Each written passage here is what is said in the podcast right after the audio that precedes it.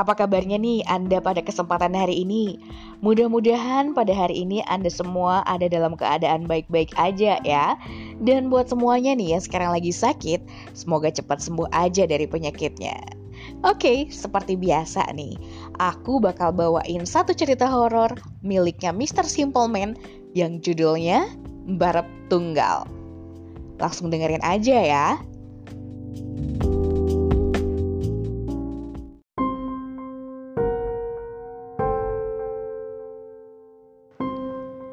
Barep Tunggal dalam bahasa Jawa berarti anak pertama dan satu-satunya.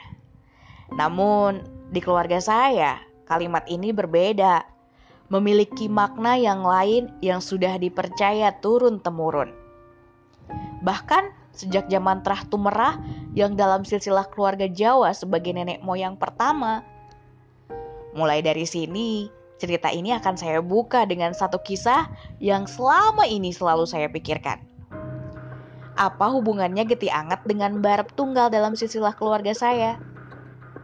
Konon, saya bukan satu-satunya orang yang terlahir dengan anugerah seperti ini. Karena sebelum saya lahir, sudah ada yang mendapatkan hakikat sebagai Geti Anget yang sekaligus menyandang nama sebagai barep tunggal yang begitu diagung-agungkan keluarga saya. Beliau adalah sepupu dari Bu De saya. Saya memanggilnya dengan nama Mas Didik. Dan kisah ini akan sangat amat berhubungan dengan beliau. Kenapa Mbak Tunggal begitu diagung-agungkan oleh keluarga saya? Begini ceritanya. Saat itu, keluarga besar saya merupakan satu dari enam orang pertama yang tinggal di desa ini. Tidak mudah waktu itu untuk tinggal di sini karena tanah di sini sangat sengak. Dan bila dilihat oleh orang biasa, tanah di sini akan membuat begidik ngeri. Sebaliknya, mereka yang bisa melihat tanah ini akan tahu bahwa tanah di sini masih mengandung nilai mistis yang luar biasa hebat. Sebegitu hebatnya hingga butuh persiapan yang matang untuk membuka sepetak lahan karena itu, desa ini dulu dipanggil dengan Desa Bangsa Lelembut. Kakek saya lah yang pertama membangun lahan di sini. Karena itulah beliau sangat disegani, bahkan menjadi salah satu tetua yang selalu dimintai tolong bila terjadi apa-apa. Namun, kita tidak akan menceritakan desa ini, karena yang akan kita ceritakan adalah fenomena barep tunggal yang ada di dalam keluarga besar saya. Saat itu, keluarga saya masih menganut animisme.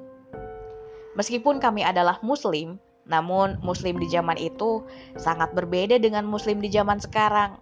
Bukan kami tidak melaksanakan sholat, kami masih melaksanakan sholat, namun kami tidak mengetahui apa itu ajaran Islam yang sebenarnya. Karena itulah ajaran kejawen dan animisme yang yang kuat membuat kami mengagungkan peninggalan leluhur kami. Salah satunya sesajen. Setiap malam khusus yang akan diberitahukan oleh mereka yang mendapat kehormatan sebagai barep tunggal di keluarga kami.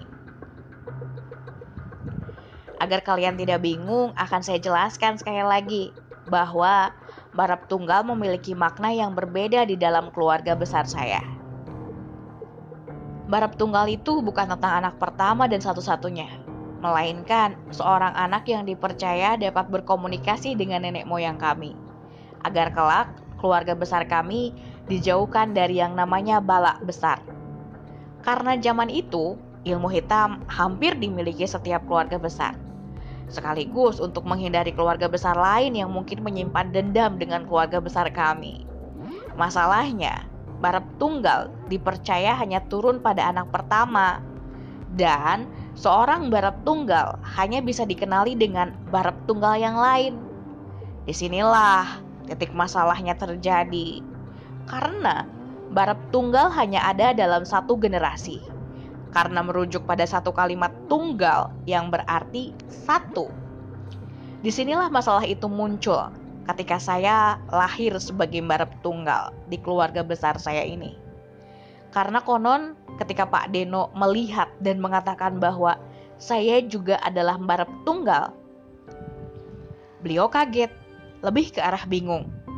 12 tahun sebelum saya lahir, Mbarep Tunggal sudah disandang oleh anak lain. Dan bagaimana mungkin dalam satu generasi waktu Jawa ada dua Mbarep Tunggal dalam keluarga ini? Hal ini segera menjadi masalah serius keluarga besar saya. Karena bila tidak segera diambil keputusan, hal ini hanya akan menimbulkan sengketa permusuhan sesama keluarga dan ketakutan itu rupanya menjadi kenyataan. Namun kisah ini akan saya ceritakan detailnya dari sudut pandang informasi yang saya dapat dari sepupu terdekat saya, Mas Akhiyat. Beliau menjadi saksi peristiwa yang tidak dapat saya ingat, karena konon saya memang sengaja disapai hilangkan awalnya tidak ada yang tahu bila saya adalah barep tunggal karena saya lahir di rumah sakit. Zaman itu kebanyakan anak-anak di desa saya hanya mengandalkan dukun beranak dan ada satu dukun yang sudah dipercaya oleh keluarga besar saya. Beliaulah yang memiliki pengetahuan tentang weton serta keistimewaan seorang anak yang baru lahir. Beliau jugalah yang dulu 12 tahun sebelum gue lahir telah menetapkan anak yang akan melanjutkan tradisi keluarga sudah lahir. Hal ini menjadi sukacita di keluarga gue. Dia adalah Mas Didik. Sebelum Mas Didik, Marap Tunggal disandang oleh Pak Deno yang merupakan generasi dari Bapak. Pak Deno adalah kakak kandung dari Bapak dan sejak kecil beliau memang paling berbeda, bisa dikatakan dewasa sebelum waktunya. Seperti Deno, Mas Didik juga memiliki perbedaan mencolok, bahkan lebih condong ke mengerikan. Bahkan beberapa warga desa menganggap Mas Didik itu anak yang aneh, gemar bermain sendiri, dan tidak suka berkumpul dengan anak seusianya. Namun yang membuat semua orang takut adalah ketika Mas Didik meramalkan bahwa akan sebuah keluarga yang meninggal dengan cara ganjil di sini. Kemampuan Mas Didik sudah diakui oleh keluarga besar gue, Padahal saat itu usianya nggak lebih dari tujuh tahun. Selama tiga hari berturut-turut, Mas Didik duduk dan memandang sebuah rumah. Setiap ditegur si pemilik rumah, Mas Didik akan mengatakan, "Ada api melayang-layang." Namun, si pemilik rumah tidak mengerti apa maksud ucapan anak kecil itu. Hal ini menjadi perbincangan banyak orang, sampai Dekno datang dan melihat. Rupanya ada banaspati di atas rumah itu. Banaspati adalah bola api yang konon dimiliki oleh mereka yang memiliki ilmu tinggi. Masalahnya, banaspati sering dikaitkan dengan sebuah bencana yang berujung kematian. Dekno menjelaskan pada Mas Didik bahwa apa yang dilihatnya merupakan hal yang istimewa. Tidak banyak, bahkan mereka yang bisa melihat untuk dapat menyaksikan banaspati terbang terkecuali mereka yang sudah dipilih langsung oleh nenek moyang kami. Benar saja, keesokan harinya, salah satu dari orang yang tinggal di rumah itu meninggal dengan cara yang ganjil. Kulitnya melepuh, diakhiri dengan borok dan nanah yang bau. Dekno menjelaskan segalanya, bahwa itu adalah kiriman dari seseorang yang tidak suka. Sejak saat itu, keluarga besar kami menganggap Mas Didiklah penerus dari Pak Dekno di keluarga kami. Dan pada usianya ke-9, ada makhluk hitam yang dipercaya sebagai jelmaan genderowo yang mengasuh Mas Didik.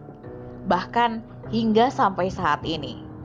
Genderowo yang mengasuh Mas Didik kabarnya bukan genderowo sembarangan yang biasa di bawah pohon pisang namun, genderuwo ini berasal dari gunung yang jauh yang tertarik dengan getih anget Mas Didik. Sehingga akhirnya ia mengikuti Mas Didik, menjaganya dan juga mengikutinya. Pak Deno mengatakan, genderuwo ini bukan tiang kembarnya karena kakek saya sempat takut bila mana tiang kembar Mas Didik adalah makhluk ini. Getih anget tidak dapat dikuasai sembarangan makhluk lelembut kecuali tiang kembarnya.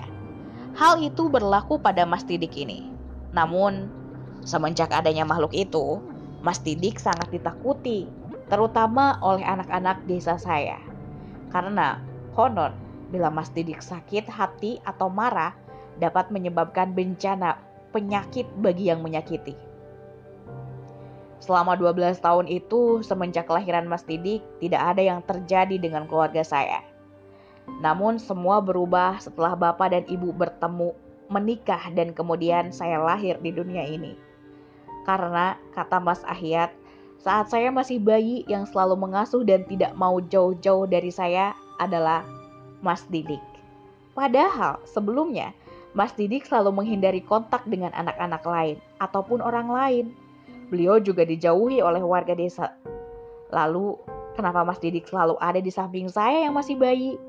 Hal ini belum terjawab sampai saat ini. Sejak kecil, gue terlahir dengan kondisi tubuh yang pesakitan.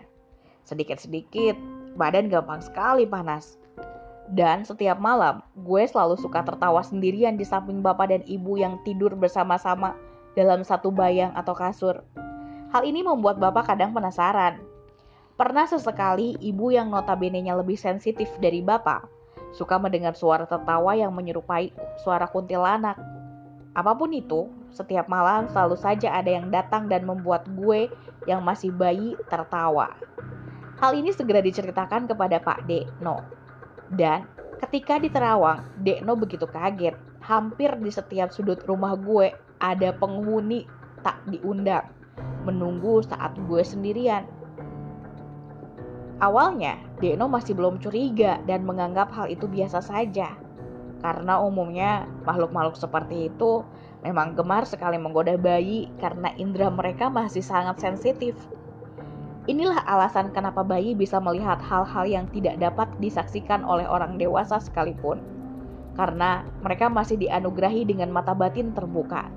Seiring bertambahnya usia, mata batinnya akan tertutup dengan sendirinya. Namun rupanya Dekno tidak tahu menau bahwa gue berbeda dengan anak-anak lain. Semua diketahui setelah kejadian yang menimpa gue di suatu tempat yang jauh. Tradisi yang masih dilakukan keluarga besar gue adalah arisan keluarga. Biasanya diadakan di setiap rumah anggota keluarga secara bergantian. Dan pada hari-hari khusus, acara ini diadakan di tempat-tempat yang jauh. Saat itu, Katanya, gue sempat menghilang selama satu hari satu malam. Berawal dari arisan keluarga di rumah Bu Lesri. Gue yang awalnya diasuh oleh sepupu perempuan gue, tiba-tiba menghilang begitu saja. Di sini, Mas Ahiyat mengingatkan. Coba ingat-ingat dulu siamu. Sudah empat tahun dan kebetulan aku ada di sana juga. Ketika mendengar itu, akhirnya pertanyaan gue selama ini terjawab.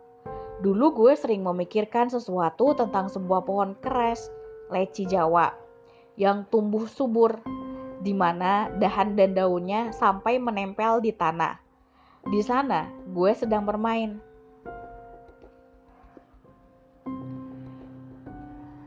Mas, apa tempatnya ada pohon keresnya? Mas Ahiyat hanya menatap gue nanar lalu berujar, "Ya, di situ kamu ditemukan oleh Dekno. Sebelumnya sudah dicari seharian penuh." Di situlah Dekno baru tahu bahwa gue sama seperti Mas Didik. Dan dari sana juga Dekno akhirnya paham kenapa gue gampang sakit. Rupanya gue dan Mas Didik tidak boleh didekatkan satu sama lain. Terutama gue di mana Mas Didik akan banyak mengambil yang disebut jiwo.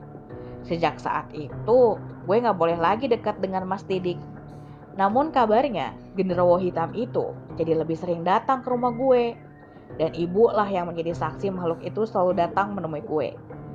Bapak sehari-hari bekerja sebagai tukang beca. Waktu gue masih kecil dulu.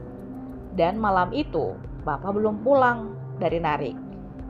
Ibu di rumah sendirian menemani gue main daun singkong. Hari sudah petang. Di dalam rumah gubuk gue, tiba-tiba ada yang mengetuk pintu. Suaranya intens. Dan itu jelas bukan bapak. Tidak ada salam dan hanya ketukan pintu.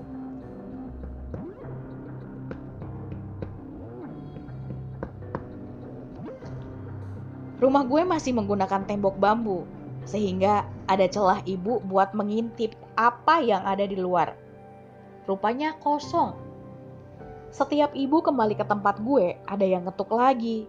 Hal itu terjadi terus sampai akhirnya ibu membuka pintu dan benar saja, ibu tidak melihat ada siapa pun di sana. Di depan rumah gue ada pohon mangga.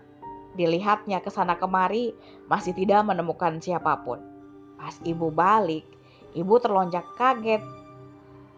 Rupanya ada makhluk hitam besar, matanya menyala merah, bertaring dengan kuku jari panjang, tengah menggendong gue. Ibu melihat gue tampak senang digendong makhluk itu. Ibu mencerit keras, namun makhluk itu menjabak ibu dan membuatnya jatuh pingsan. Bapak pulang dan melihat ibu sudah terkapar. Namun anehnya, gue ditemukan ada di dalam kamar, tertidur lelap di atas kasur. Malam itu sontak bapak langsung bertemu si Mbah. Mbah gue ini adalah orang yang ilmunya cukup tinggi. Gue biasa memanggil beliau Mbah Nang, yang artinya Mbah Lanang, Mbah laki-laki. Rupanya Mbah Nang baru saja melihat apa yang terjadi dari sebilah kerisnya.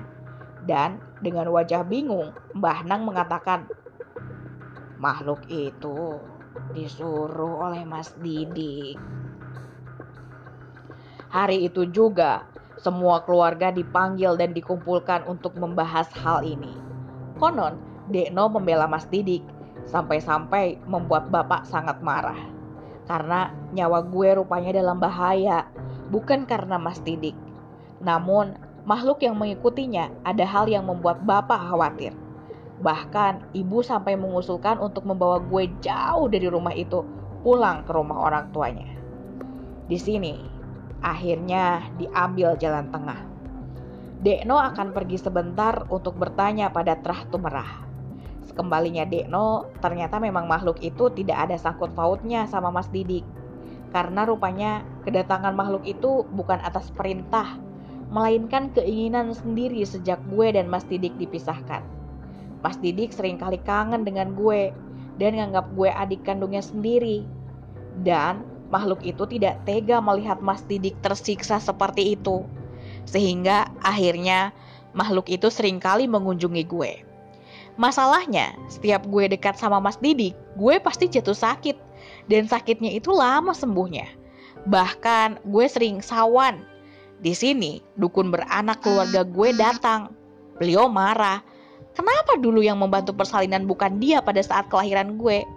Gara-gara ini, gak ada yang tahu siapa gue. Seorang barep tunggal itu ya seharusnya cuma satu. Gak ada dua.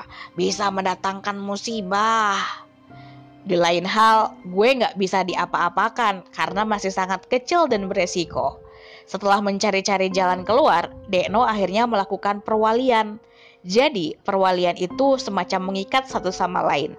Dekno akan menjadi wali Mas Didik, sedangkan gue akan diwalikan oleh orang yang bersedia menjadi pagar bagi gue. Orang yang ilmunya setara atau lebih dari Dekno.